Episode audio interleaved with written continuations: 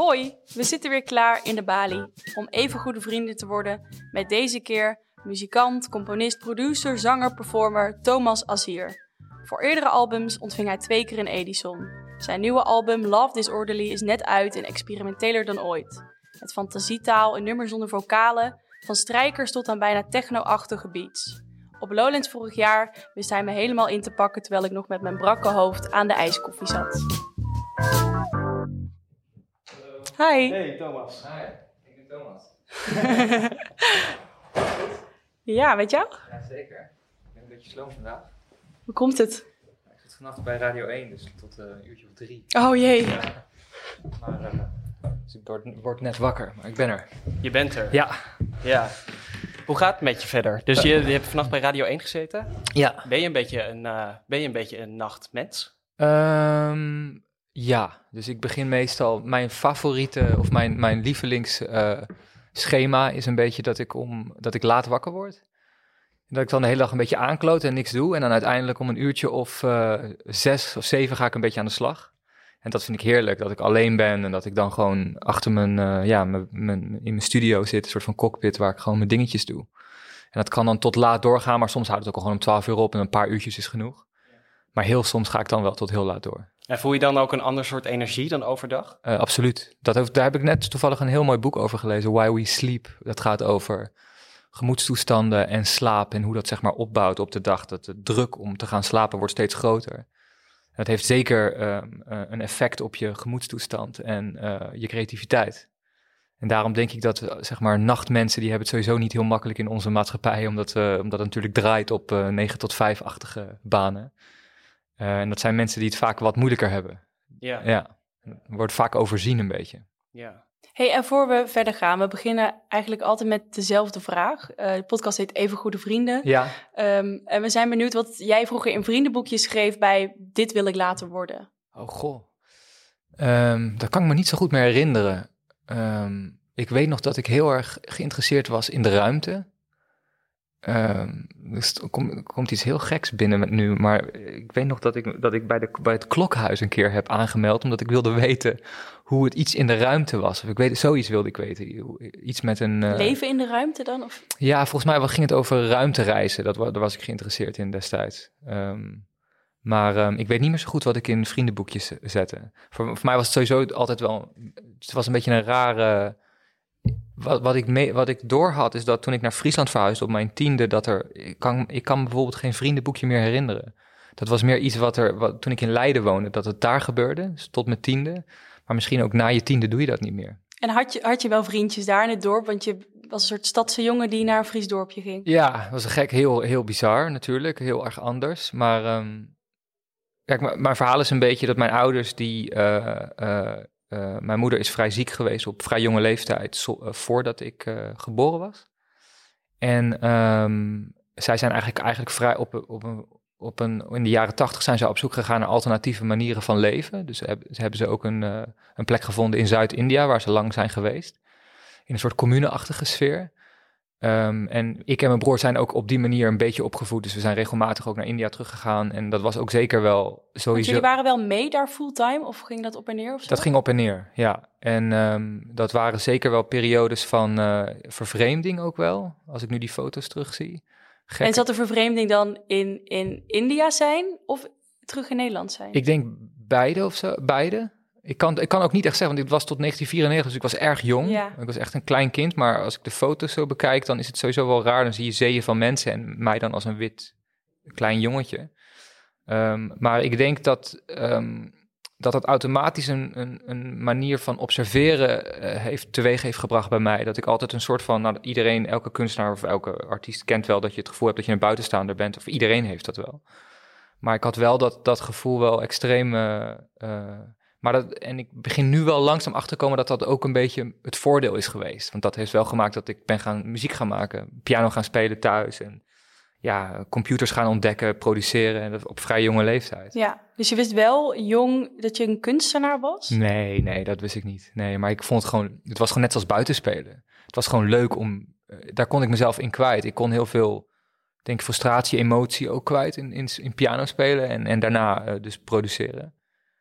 Ehm, en ik denk dat ik wel, dat ik dat eh, gewoon ontzettend leuk vond. Zo leuk dat ik er meer mee wilde. Dat ik er, ja, het duurde wel heel lang voordat ik doorhad dat je daar een beroep van kan maken. En dat observeren, dat is... ehm, we hebben natuurlijk naar je nieuwe album geluisterd. Mhm. Voor ons gevoel heel erg wat je daarvoor nog meer hebt uitvergroot. is observeren en da- dat weer in je muziek stoppen. Kun je eens vertellen hoe dat album is ontstaan? Ehm, En of dat een beetje klopt wat ik zeg. Ja, dat klopt zeker. Nou, ik denk dat dat een hele nobele manier van kijken naar mensen en naar de wereld. Dat je, dat je observeert en probeert niet te oordelen. Dat is heel moeilijk, dat lukt ook niet altijd. Ehm, dat je altijd vaak toch een mening hebt. En eh, sommige dingen ook nog niet goed begrijpt. Dus ehm, je ziet nu ook heel erg in het eh, eh, ja, Black Lives Matter debat dat heel veel blanke mensen gewoon niet een andere manier van denken begrijpen. En ik denk dat, ehm, ik ben ervan overtuigd dat meerdere perspectieven daar heel veel, eh, heel erg eh, bij gaan helpen. Dat kost gewoon tijd. Ehm, maar daarom eh, ben ik er zelf niet zo. ik hou niet van het belerende en moralistische in werk. En ik vind het ook heel moeilijk als er een muzikant is die, die gaat vertellen van let's save the world en heal the world kind of thing. Weet je wel, we gaan allemaal minder, let- let's fly less. En ik denk, ja, dat weet ik allemaal. Dat, ik, ga, ik wil niet met dezelfde mensen in een hokje gaan zitten en elkaar eh, feliciteren over het feit dat we dat zulke, zulke mooie dingen zeggen. Maar wat mij interesseert is eigenlijk ehm, dat we weggaan van het zwart-wit ja-nee eh, verhaal. Ehm, eh, minder meningen en dat, we, dat er een hele mooie kleurenpalet in het midden is, waar, wat we eigenlijk kunnen ontdekken. En ik denk dat we dat doen door middel van communicatie en met elkaar praten. En dat heb ik geprobeerd in het album. Dat er, dat ik, ik probeerde een ruimte te creëren die ik dus wel zag in cinema en fotografie, waar er dus heel veel ruimte is om, te inter- om voor je eigen interpretatie. Eh, maar dat vond ik nog niet zo in popmuziek. Het was of heel extreem van, eh, jij moet dit doen. eh, ook soms een beetje dat Bob Dylan-achtige zeepkistverhaal, dat je Ja. daar gaat staan. En gaat, maar dat, dat voel ik ook niet dat het bij mij past en dat het van deze tijd is voor mij. Dus die ruimte heb ik geprobeerd te zoeken en dat, dat duurde wel even voordat ik dat had. Had ik wel andere mm, ja, blauwdrukken voor nodig. Eh, er zijn een aantal, ik ben heus niet de eerste die dat geprobeerd heeft. Dus eh, Brian Eno is iemand die dat heel vaak doet. Eh, ehm, ja, er zijn ontzettend veel andere kunstenaars of, of, of muzikanten die dat doen. Dus eh, ja. Dus je had wel ergens een aantal voorbeelden die jou daarin al waren voorgegaan. Ja, maar die moest ik natuurlijk onderzoeken en eh, ook vooral, eh, ja, die moet je kennen.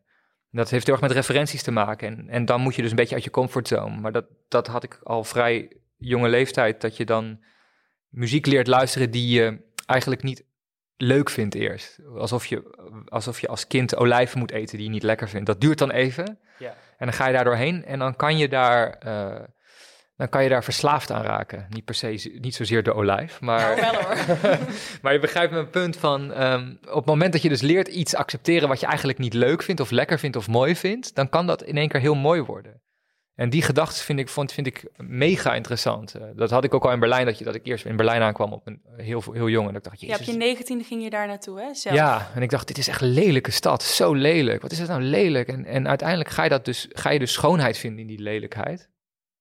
En dat vind ik super fascinerend. Dat je dingen die je niet begrijpt, eh, kan leren begrijpen. Nou, dat, en dat hele idee als concept vind ik super Ja. fascinerend. En begrijp je nu je eigen album als concept? Nee, dat duurt dan heel lang. Dat heeft dan heel veel tijd nodig voordat het een keer sens maakt voor mij of zo. Maar dat is toch best bijzonder, want ik, ik luisterde je album en Mhm. ik dacht, het maakte bij mij heel veel gevoelens los. Ja. Maar ik kon die gevoelens eigenlijk niet duiden. Nee, dat heb ik, dat heb ik dus ook. Maar, maar wat was dan... Dat vind ik zo bijzonder, dat je zelf iets kan maken wat je Ja. eigenlijk niet begrijpt. Nee, maar dat is fascinerend aan muziek en aan, aan. Dat is dus zo fascinerend dat we er heel lang over kunnen praten, maar dat het niet gaat lukken om er woorden aan te plakken. Ehm, omdat bepaalde dingen dus, net zoals dat muziek voor mij een gedicht is zonder woorden of zo, kan je dus, eh, als je, eh, eh, hoe ga ik dit niet vaag maken, want het is allemaal heel, ik wil niet esoterisch overkomen, maar ehm, op het moment dat je dus een intuïtie volgt van er is wat aan de hand, in 2019 voelde ik er is wat aan de hand. Dat voel ik al heel lang, dat de wereld aan een soort van einde komt van een kapitalistisch tijdperk. Dat klinkt allemaal heel extreem groots, en, maar dat bedoel ik niet zo, maar ik voel... Ik gevoel dat we op een omslagpunt staan. Ja, en, en dat, dat het in ieder geval niet meer zo verder kon. Ik wist natuurlijk niet wat er allemaal zou gaan gebeuren, maar ik voelde wel die een enorme... Ik denk dat heel veel jonge mensen dat hebben, dus al die prikkels, constante prikkels van... Weet je of de boel op klappen staat of zo? Ja, en, en dat wilde ik op een of andere manier in die muziek gaan beschrijven, maar ik wist niet hoe. Dus bijvoorbeeld Love Disorderly, het eerste track van het album, dat is vrij, dat veel, veel mensen zeggen, het klinkt heel ongemakkelijk en... eh, eh, de- deprimerend. Dat was niet helemaal mijn bedoeling, dat het deprimerend zou klinken, maar ik ervaarde de wereld wel als een soort van me- mega ehm, eh, eh, eh, intense collage. En, die, en dat probeerde ik eigenlijk in muziek uit te drukken. En dan kan je dus iets in geluid uitdrukken wat je niet in woorden kan. En dan, dan kom je bij iets wat je dus niet helemaal goed kan uitleggen. En ik kan het ook niet helemaal duiden nog steeds. Is- Wat, welk gevoel krijg jij dan van jouw eerste nummer? Ehm, ja, ongemak. Ongemak. En ja. dat is ook voornamelijk het ongemak wat ik dus de, sowieso al de hele dag voel. Ik bedoel, ik, in een ander nummer schrijf ik over dat advertenties, dat ik daar opgewonden van word. Dat is een, dat, ik merk dat. Dus ik zie een advertentie en, denk, en dan realiseer ik me dat ik daar opgewonden van word. En dan vraag ik mezelf gewoon af, hoe kan dat?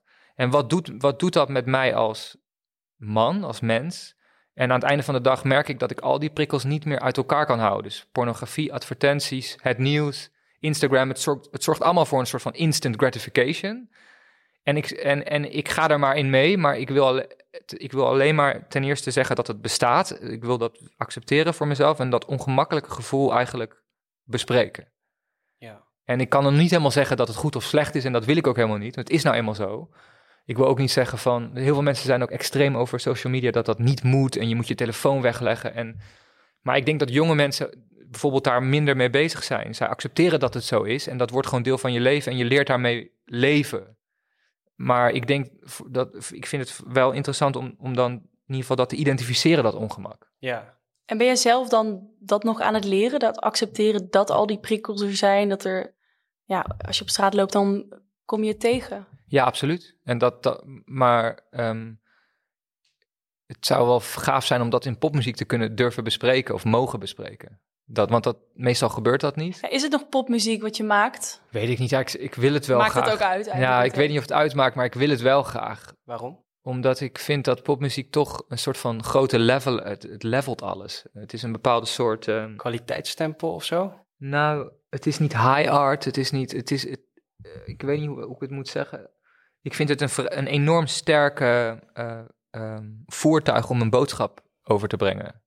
En, en ik, dat heb ik toch iets minder met klassieke muziek, hoewel ik dus wel graag hulpmiddelen wil lenen uit die andere genres in mijn eigen werk. Maar ik merk wel dat, eh, ja, maar, ik, maar ik, ik geloof dat de artiesten die ik heel tof vind, van, van Bowie tot en met Scott Walker, die deden dat dus ook. En, en, en dat kan gewoon naast elkaar bestaan. Ja, en zij zochten ook wel, de namen die je nu noemt, ook wel de grenzen van de popmuziek. Ja, en ik, dat is naar mijn idee ook wat, wat je kan doen en wat je mag doen. En als ik kijk naar popmuziek vandaag en hoe jonge mensen, hoe radicaal zij zijn in dingen die ze luisteren, dan kan dat absoluut. Maar ik vind het wel interessant om dan dat te mixen met eh, ja, gedachtes of, of inderdaad of, extre- of dingen extremer pushen of zo. Ja. Ja, want het is wel steeds, als je je albums op een rij zet, wel steeds experimenteler geworden. Ja. Ook qua vorm. Je hebt nu eh, nummers zonder vocalen. ja, Eh, fantasietaal zit Ja. in een nummer. ja, Eh, Oké, dan snap ik dat je het graag onder de vlag pop wil doen. ja. Maar ben je ook luisteraars, fans verloren onderweg Ja, door deze maar ik- zoektocht? Ja, ik zag een enorm, er is een enorm mooie blog wat ik kan aanraden. Dat heet Red Hand Files van Nick Cave. Waar, daarin beschrijft hij, schrijft hij ehm, brieven aan fans die, of mensen die gewoon vragen aan hem stellen. En een van die vragen is van, ehm, hoe zie jij dat fans die je kwijtraakt, hoe voelt dat voor jou? Naarmate je abstracter wordt. En hij, hij noemt dat soort van collateral damage. Dus het, wat je gewoon moet accepteren. En ik vind dat een heel mooi punt, omdat ehm, ik krijg ook heel veel boze brieven over het werk wat ik nu maak. Dat mensen, dit album Ja, al? mensen heel erg, dat vinden, dat vinden ze echt heel erg. Noem eens, wat voor reactie krijg je dan? Nou, mensen die graag willen dat je zo blijft zoals je was. En dat is ook een hele normale reactie, want mensen houden niet van verandering. Ehm, maar ik, ik, per definitie omarm ik dus heel eh, het idee dat eh, we allemaal constant veranderen. Ik denk dat, dat jij ook iemand anders was tien jaar geleden dan nu. Absoluut. En ik merk dat dat veel extremer aan het worden is. Dat ik in twee jaar al, een, ik zeg niet een ander persoon kan zijn, maar dingen kunnen ontzettend snel gaan. En dat, dat vind ik ehm, eh, eigenlijk het enige, het enige wat vaststaat in het leven. Dat dat de hele tijd Dat het verandert. Ja. Want dat, is dat ook de reden dat je steeds naar andere plekken jezelf verplaatst? Dus Ja. naar Berlijn, naar Parijs. Om die uitdagingen aan te gaan en om, om, de, om die verandering ehm, op te starten. Ja, om, om constant in beweging te zijn. Ja, dus een veranderende omgeving kan ook die, kan, is voor jou eigenlijk de aanzet om ook die verandering bij jezelf in te Ja, want je zoekt dat ongemak op. Mhm. Dus eigenlijk dat moment dat je aan het zwemmen bent en dat je net niet meer kan staan en dat je je eigenlijk een beetje ongemakkelijk voelt. En, en dan gebeuren er dus dingen die je doet, die, dan ga je jezelf verrassen. In, ik merk dat in muziek heel erg. Dat je dingen maakt dat je het dus, dus niet meer snapt. En dan de eerste maanden ben je dan een beetje geïrriteerd, want het werkt niet. En je zit het in je studio, je snapt er niks van.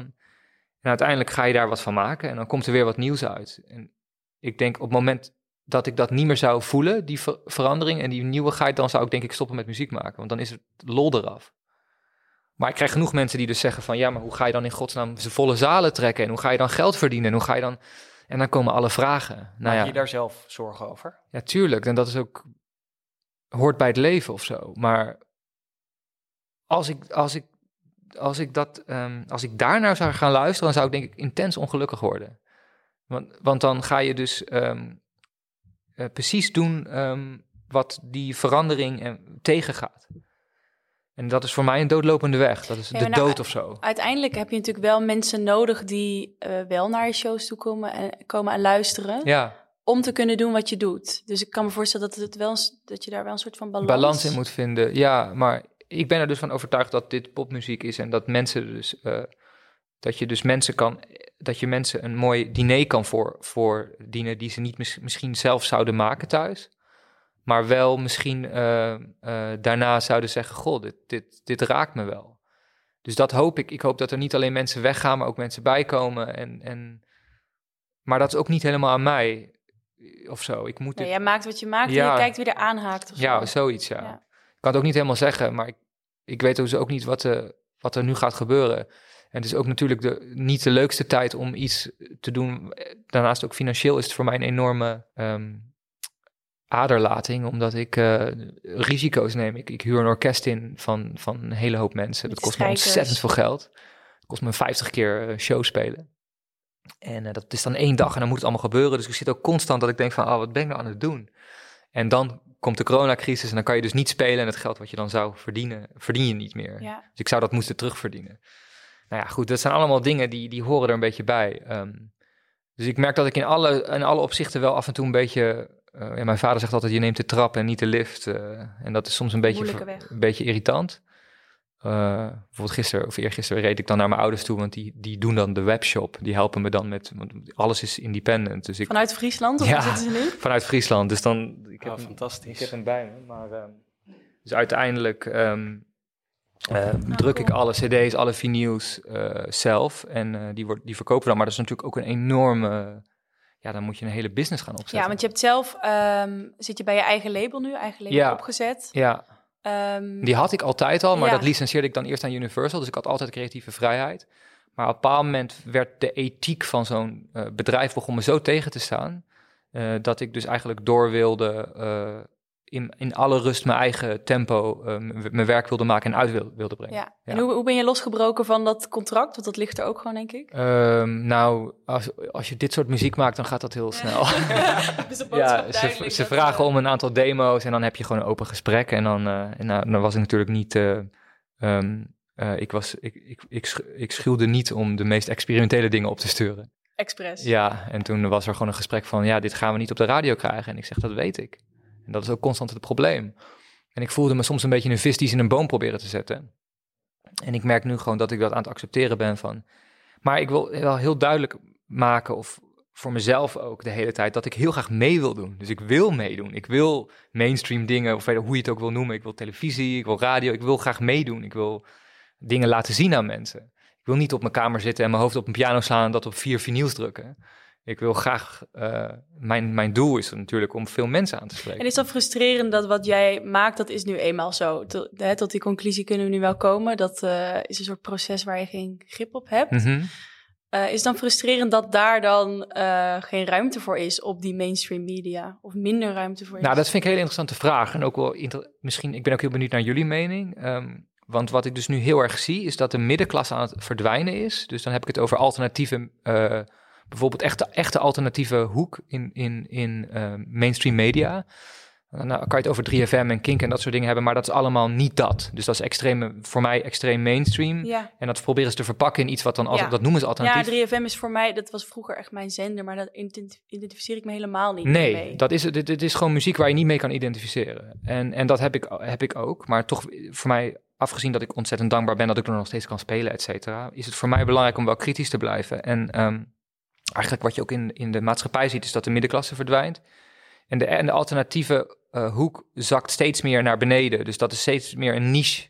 Eh, en daar zitten gewoon allemaal mensen die, voor, die eh, hard aan het werk zijn. Ik was eer, eergisteren bij een vriend van mij, Worm. dat is, dat is Jan Pier heet hij en hij heeft Worm in Rotterdam. Dat is een avant-gardistisch podium. Ehm, en je merkt dat daar dus de, de alternatieve hoek zit. ja, Eh, maar die is het echt verstopt tegenwoordig. een beetje. Niet, natuurlijk, ik merk nu dat, dat Worm heel erg aan het opleven is. Dat, dat, dat, dat, dat merk je heel erg. Dat is fantastisch. Alleen in de mainstream eh, worden die niet vertegenwoordigd. En dat, dat, dat moet ook misschien zo zijn. Maar ehm, ik vraag me el- wel af waar dat heen gaat. Want bijvoorbeeld in televisie willen ze steeds willen ze verjongen. Maar dan, moet ik, dan vraag ik me af, wil je, moet je dat wel willen? En in radio merk je dat dus ook. Ik denk niet dat jonge mensen daarheen gaan luisteren. Ik denk het enige wat je kan doen als mainstream media om iets te, eh, of eh, als conservatieve media om iets aan te bieden wat internet niet heeft. En dat is naar mijn idee diepgang eh, en lengte. Dus dit, dit soort dingen. Dus een, ja, of een heel album in, een keer integraal afdraaien. Bijvoorbeeld, of podcasts, la- groot, lange gesprekken waar je de diepte in kan. Ik vind dat BBC Six dat ontzettend mooi doet. Die, die nodigt muzikanten uit en die kunnen andere muzikanten over, over vragen. Die hebben drie uur de tijd om iets moois te maken. Nou, ik vind dat de manier. En dan kan je dus content maken eh, die je niet op internet kan vinden. En ik denk dat dat, dat, dat zou moeten op, op, een, op, op de grotere kanalen, zeg maar. Is daar geen, we- geen eh, is er niet iets voor jou weggelegd in die hoek? Maar Uiteindelijk om. Ja. zoiets, om zoiets op te zetten. Ehm, ik denk nu nog niet. Ik ben nu te gefocust op mijn eigen werk. Maar ik merk wel dat ik het mis. En dus als ik de media ronde doe, dan merk je gewoon heel vaak... dan zijn het heel vaak ja-nee gesprekken. Maar dit soort dingen missen. Dus echt dat we kunnen praten met elkaar.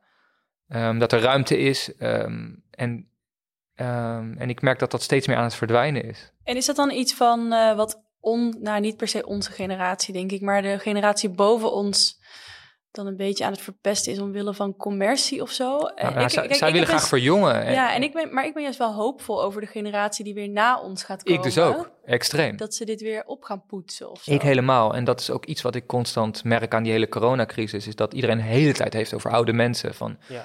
we moeten de ouderen beschermen. Maar iedereen vergeet jonge mensen. Vind ik. Iedereen, die, die mensen worden het hardst geraakt naar mijn idee. Die, kunnen, die zijn net klaar met de middelbare school. En die, die, die staan in de startblok om te gaan. En ehm, ja, die kunnen dus niet of zo. Weet je wel? Die kunnen niet uit. Ze kunnen dit niet. Ze mogen dat niet. En ik denk dat die generatie juist nu belangrijk is. Want die gaan heel veel antwoorden bieden. En ik zie ook heel veel dat die generatie, sommige, of ik, ik merk dat die bepaalde mensen eh, van die generatie steeds minder geïnteresseerd zijn in social media. Die willen hun eigen ding. Die willen. Die, Zij gaan de straat op ook weer. ja, die willen dus live ervaringen, wat ik echt heel interessant vind. Niet per se eh, naar een bandje kijken met een biertje, maar iets anders. Dus ze willen helemaal na zo'n coronaperiode willen ze elkaar willen ze meeten, ze willen elkaar zien. En, en ik denk dat daar heel erg het antwoord ligt. Ehm, en ik ben ook benieuwd wat de komende maanden gaat gebeuren als dit zo doorgaat. Want ik denk dat er ook heel veel illegale dingen gaan gebeuren. Dat kan haast niet anders. Die mensen die moeten wat. Je ging altijd van plek naar plek. Dus Ja. naar Berlijn, naar Parijs. Eh, nu dan in Amsterdam al twee jaar, geloof ik. Hè? Of misschien anderhalf, twee jaar. anderhalf, twee jaar. Eh, en dan verandert steeds de wereld om je heen. En nu hebben we dan die coronacrisis die eh, om de hoek is komen kijken. Is het dan zo dat die wereld, omdat die ook zo verandert eigenlijk, maar Ja. jij zelf wel op dezelfde plek blijft, heeft dat ook een bepaalde impact op jouw werk dat je nu aan het maken bent? Ehm, nou, ik ben nog steeds wel. eh, dat is wel misschien wel een goede vraag, maar ik, ik, ik, kan, ik kan dat nu nog niet be- beoordelen, omdat ik dus in het releaseproces zat van deze. En Ja. deze is daar net voor gemaakt, Ja. dit album. Maar ik merk nu dat ik een week had dat ik eventjes helemaal niks, dat ik gewoon thuis kon zijn en weer muziek kon maken. En toen kwam het leven helemaal terug. Ehm, maar voor mij is altijd, ehm, wat ik, waar ik ook ben, is voor mij een soort van eh, Trinity-driehoek van Berlijn, Parijs en Amsterdam. Ja. Brussel af en toe, maar voor mij, mijn hele idee was ook om Europese muziek te maken. Dus ik zal nooit zeg maar alleen in mijn kamertje blijven zitten. Ik merk dat ik steeds meer samen wil werken en samen werk. En door, door, de, door het verleden heb ik, ont, heb ik veel contacten opgebouwd in al die verschillende steden. Dus dat, zal al, dat is altijd een, eigenlijk een constant gereis. Ja. En dat zal denk ik de komende tijd ook niet weggaan. Nee. Voel je je ergens thuis eigenlijk? Of is onderweg zijn dan thuis zijn? Ehm, ja, dat is een goede. Dat weet ik ook niet. Ik denk dat het misschien thuis is. is mijn muziek is een soort van thuis, als ik dat kan maken. Uh, maar de laatste twee, drie jaar ben ik veel meer waarde uh, gaan hechten aan mijn privéleven. Dus dat ik dus ook wat naast muziek heb. En dat is voor mij een enorme ontdekking. Het is alsof ik in één keer de, de wereld ontdek. ik denk van, oh, het hoeft niet alleen maar dit te zijn. En wat doe je dan naast muziek maken? Ja, dat ik uh, bijna gezinsachtige dingen. Met mijn vriendin doe ik dingen, um, uh, onderzoeken. Uh, zij werkt aan al het uh, visuele gedeelte. Wij doen alle films samen van die bij de albums horen. Zij, zij maakt alle. Zij, zij introduceert. en zo? Maakt dus dat ja, ook? zij introduceert mij aan um, filmmakers, aan kunstenaars. En dat zijn, voor mij gaat er, gaan er, gaat er ook een wereld open.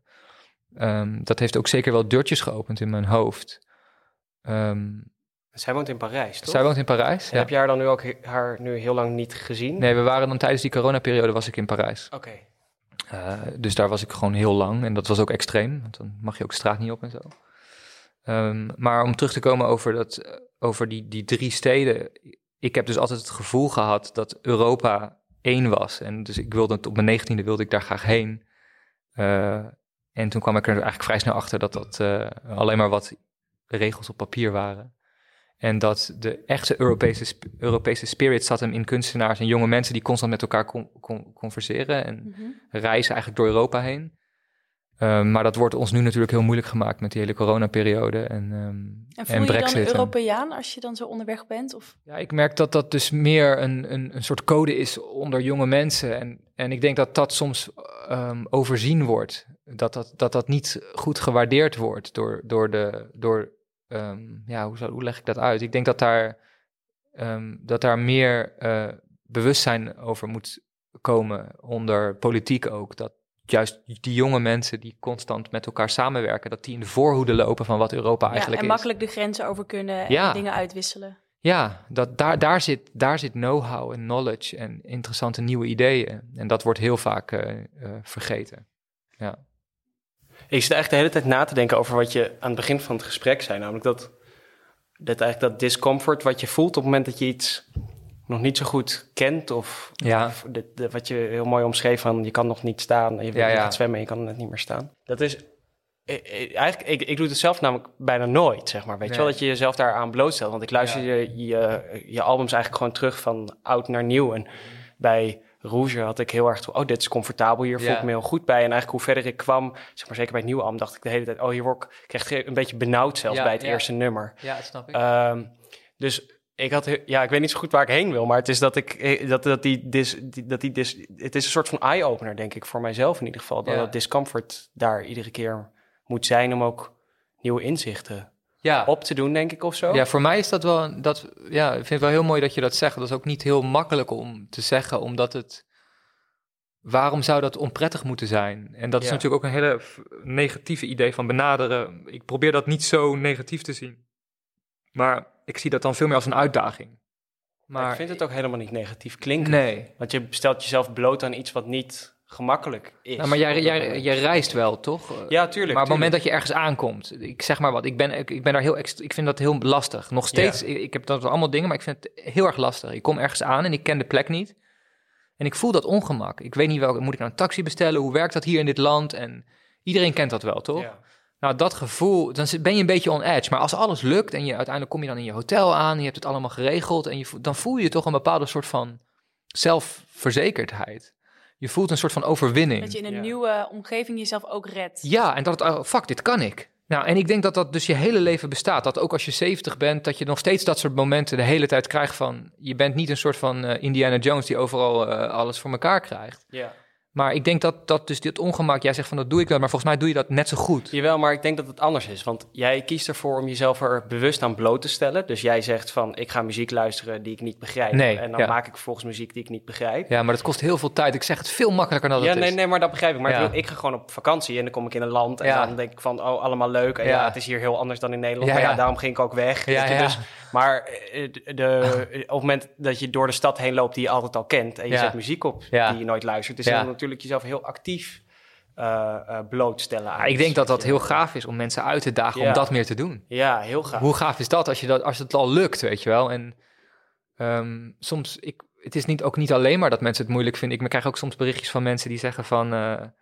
ja, dit, ik had niet verwacht dat ik dit mooi zou vinden, maar ik krijg, ik krijg heel veel emotie van het eerste nummer. Of ik moest huilen, maar ik weet niet waarom. Ja, maar daardoor is dus ook iets niet automatisch goed of slecht. Nee, Omdat absoluut je niet. dus dan, dan zit je veel meer in dat spectrum wat je net zegt tussen die, Het kleurenpalet. Ja, maar hoe gaaf is dat? Dat je dat kan zeggen. Dat je zegt Ja. van, weet je, misschien is het, is, is, is het niet goed of slecht. Misschien kan, kunnen, kan muziek niet goed of slecht zijn, maar is het een kwestie van mindset. Ja, Nou, natuurlijk kan je wel mening hebben over muziek en dat moet ook. En eh, als je mij vraagt wat ik vind van eh, al die televisiedingen, X-Factor en al dat, al dat soort onzin, dan heb ik daar ook een mening over.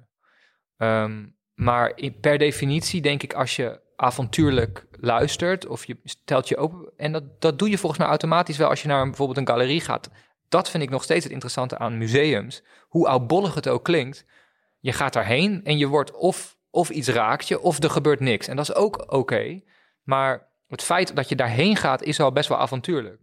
ja. Dat je weer gaat blootstellen aan, Aan iets wat je eh, niet kent. Of heel oud werk. Ja. eh, ja. En dat is, wordt natuurlijk ons wel lastig gemaakt door algoritmes en, en, en het hele ja, dat je in je bubbeltje blijft en Ja. wat je al kent. Dezelfde Ja. smaken. If you like this, you will definitely like this.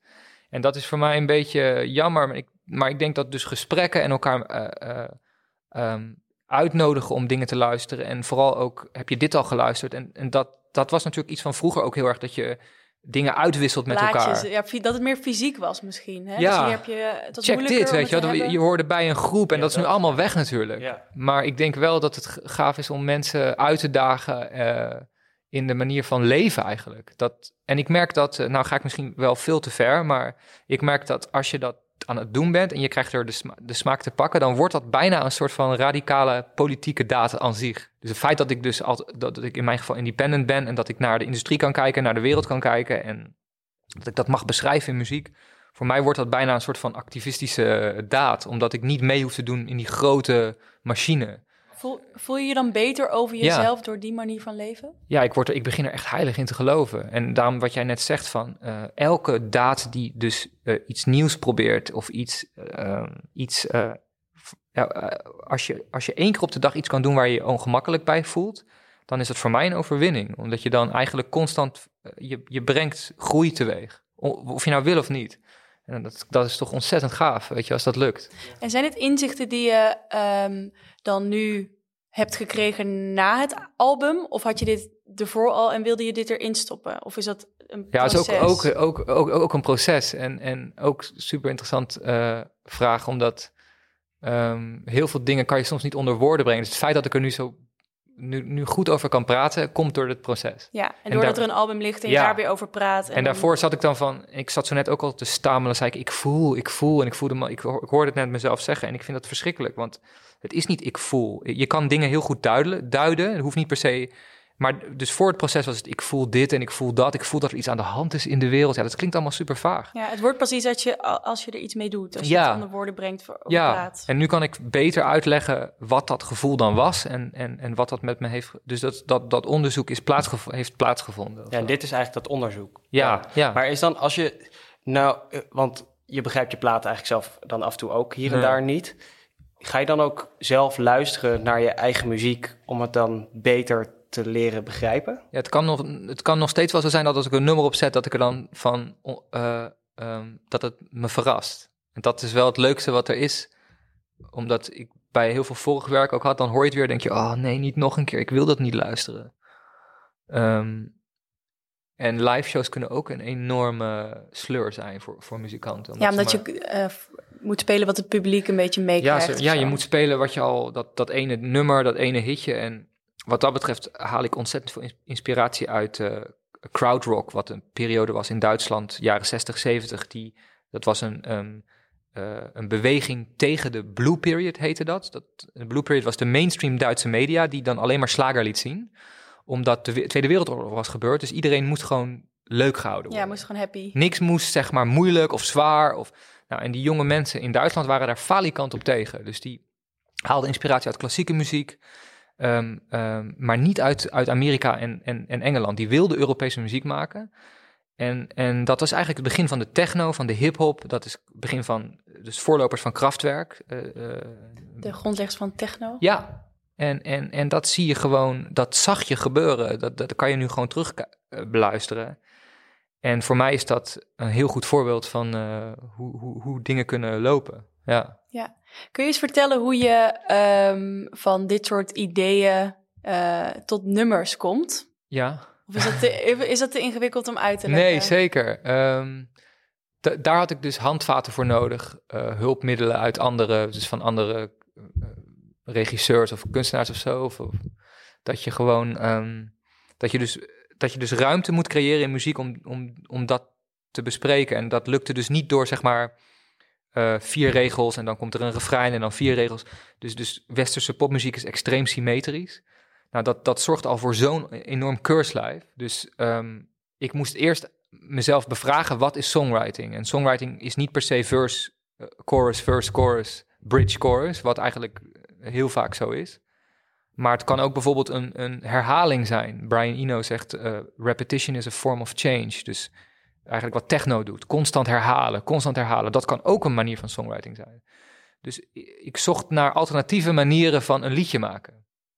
En daarom blijf ik zeggen popmuziek, maar ik zoek alleen ja, een ander soort eh, formule. Die niet per, misschien niet per se een formule, maar wel een soort van structuur die, die niet hetzelfde is dan al die dingen die je hoort eh, op de radio. Of, ja. Ja, en praktisch schrijf je dingen op die in je opkomen. Zit je op de fiets, loop je door de stad en Nou, neem je al zijn iets ideeën. op of zo? Ja, Eh, dat zijn ideeën. Bijvoorbeeld nu zit ik na te denken over... ik wil graag een nummer schrijven over een, eh, een ISIS-soldaat... die ehm, spijt heeft van zijn, eh, van zijn ehm, ja, Syrië-gang. Hij is, hij, is, hij, is terug, hij is daarheen gegaan om te vechten... En hij loopt daar eh, door een soort van woestijn heen en hij, hij, hij vraagt zich gewoon af van wat doe ik nou hier? Ik wil weer terug. Dus, en er waren een aantal eh, eh, dingen in de media waar, waar je in de- dus die verhalen kon lezen van mensen die de spijt hadden van hun. en ik- vind het gewoon super interessant. Dus d- d- d- dan heb je dan, ik zie het zeg maar zo dat je de eerste laag hebt, dat is emotioneel, dus een mooi, mooi verhaal en er zit emotie in en ik ben benieuwd wat, wat, wat er speelt in die mensen. En daaronder heb je een laag dat is dan sociaal, dus sociaal, eh, zo van die wa- wat wat vinden we ervan? ja, en wat, wat, hoe, zeg je, hoe zeg je dat? De, eh, waar behoort deze persoon in onze samenleving? En wat deed hij daarvoor? En eh, waarom is hij weggegaan? Dus veel meer een soort van de omgeving over de wereld. Ja, dus welke kansen heeft hij misschien niet gehad waardoor hij dit is gaan doen? Ja, en dan en het derde laag is een soort van eh, politiek, en maar ook naar de wereld kijken. Dus heel erg uitgezoomd. Dus je gaat eigenlijk van inzoomen naar uitzoomen. En al die lagen kunnen dus in zo'n nummer zitten. Maar je hoeft daar niet per se bewust mee bezig te zijn. Maar zodra je zoiets, zodra je, dus ik ga daar onderzoek naar doen en uiteindelijk ga ik erover schrijven. Ehm, en eh, dan wordt het een soort diagonaal ding. Dan snijdt het door al die lagen heen. En dat zie je dus ook heel veel in film. Dan gaat het eerst over een karakter met emotie die we allemaal herkennen. We snappen die emotie. Ook al hebben we niet dezelfde verhaal. We kunnen die emotie begrijpen. En dan de tweede en de derde laag komen er gewoon als het ware bij. En, en dan wordt een werk, naar mijn idee, super interessant. Want we lazen ook in een ander interview met je dat je heel vaak ook op ideeën komt door eh, lucide droom of lucid dreaming. toch? Ja, is dat, oh, zo, grappig. is dat zo dat je, he- heb je daar nog steeds, dat je Ja. dan in slaap valt en dan Ja. net niet in slaap valt? Of, Ja, en het gekke, als ik dan eh, naast iemand slaap, heb ik dat dus niet. Omdat ik dan op een of andere manier denkt mijn lichaam dat dat niet kan of zo. Maar als ik alleen ben, dan gebeurt dat weer. En dan hoef ik alleen maar mijn, mijn eh, telefoon naast me te hebben. En dan kan ik gewoon ideeën opnemen. Omdat ik, ja, ik heb een heel raar soort tik. Dat ik dan heen en weer ga met mijn hoofd en ook heel hard zing. Dus het is ook volgens mij niet ontzettend onprettig om naast me te liggen. maar eh, eh, dat, is, ja, dat is een bepaald soort... eh, ik, op dat moment, en dan maak ik de beste muziek. Maar is dat echt eh, altijd als je alleen slaapt? Ja, dus het is zo, dan zeg je tegen je vriendin, ja sorry, ik moet echt nu werken aan nieuwe nummers. Ik ga heel even... Ja, meestal op de gebeurt dat. bank. Nee, ik- dat, gebeurt, dat gebeurt dus niet. Dan, ik Nee. doe dat dus gewoon altijd als ik alleen ben. En dan, ehm, ja, dan kan het zijn dat ik... Ik moet het dan ook wel op tijd opnemen. Anders is het weg. Dan maak je jezelf wakker of zo? Ja, dan moet ik mezelf echt dwingen. Dus dan moet het ook echt goed genoeg zijn. Als het niet goed genoeg is, dan, dan slaap ik door. En dan ben Ja, ik, ja. vergeet ik het. Maar dus als ik weet van... Een ah, soort half bewustzijn van, nou, dit is het, eh, Ja. Wake Up. En soms baal ik ook en denk van, ah, fuck, dit is wel erg goed. Ik moet nu opstaan. Oké, oké. en dan. Maar soms heb ik ook echt geen zin in en dan laat ik het maar. Maar is het ook wel eens dat je eh, wil gaan slapen of gaat slapen omdat je, wil, omdat je nieuwe ideeën wil? Of nieuwe- Ja, heel soms gebeurt dat ja? wel. dat je denkt van, ik ga even een dutje. Ja, ja, maar voor me, ik heb er heel stuk over gelezen. Dat het, het is ook een heel ding, dat heet rocking syndrome. Dus het zijn kinderen die dat, dus kinderen doen dat, die gaan van heen en weer. Maar bij mij is dat dan soort van nooit weggegaan. En, ehm, Want herkent je moeder, je vader dit? ja, ja, ja, ja, heel erg, ja. Dus ze, moest, ze moesten volgens mij vroeger ook schuimen en zo, omdat ik mijn hoofd, zeg Oh, maar. ja. Maar ehm, ehm, uiteindelijk, ehm, ja, dus er wordt een soort van endorfine vrijgemaakt in mijn hoofd als ik dat doe. Dus ik word er ook heel gelukkig van. Het is een soort van, dit zeg maar. Een soort wiegen. Ja, het was een half autistisch gedoe, maar ik heb het maar gewoon geaccepteerd. Ik denk, ja, iedereen heeft zijn, heeft zijn, zijn gekke dingen. Ja, het is ook wel een En- hulpmiddel geworden dus. Ja, eh, ja dat, het, het werkt op een of andere manier voor mij. Ja, Hey eh, Thomas, dankjewel dat je hier vandaag was. ja graag Eh, gedaan. Ik, ik, ik heb er echt heel veel uitgehaald, moet ik eerlijk zeggen zelf. Nou, leuk. Meer discomfort om comfortabeler te worden met Ja, zeker. de wereld. Ja. Leuk dat je luisterde naar Even Goede Vrienden. Deze podcast werd gemaakt door ons, Maaike van Leeuwen en Pepijn Keppel. De muziek is van Gelein ten Haaf. De productie is in handen van Milou van Heertem. Yes, en check ook even onze socials voor foto's achter de schermen. Eh, we vragen Thomas zo ons vriendenboekje in te vullen. Dat kun je ook daar zien. Even Goede Vrienden heten we op Instagram en Facebook en @vriendenpodcast op Twitter. Zoek ook even een optreden van Thomas op of zijn nieuwe album. Daar ga je echt geen spijt van krijgen. Tot de volgende.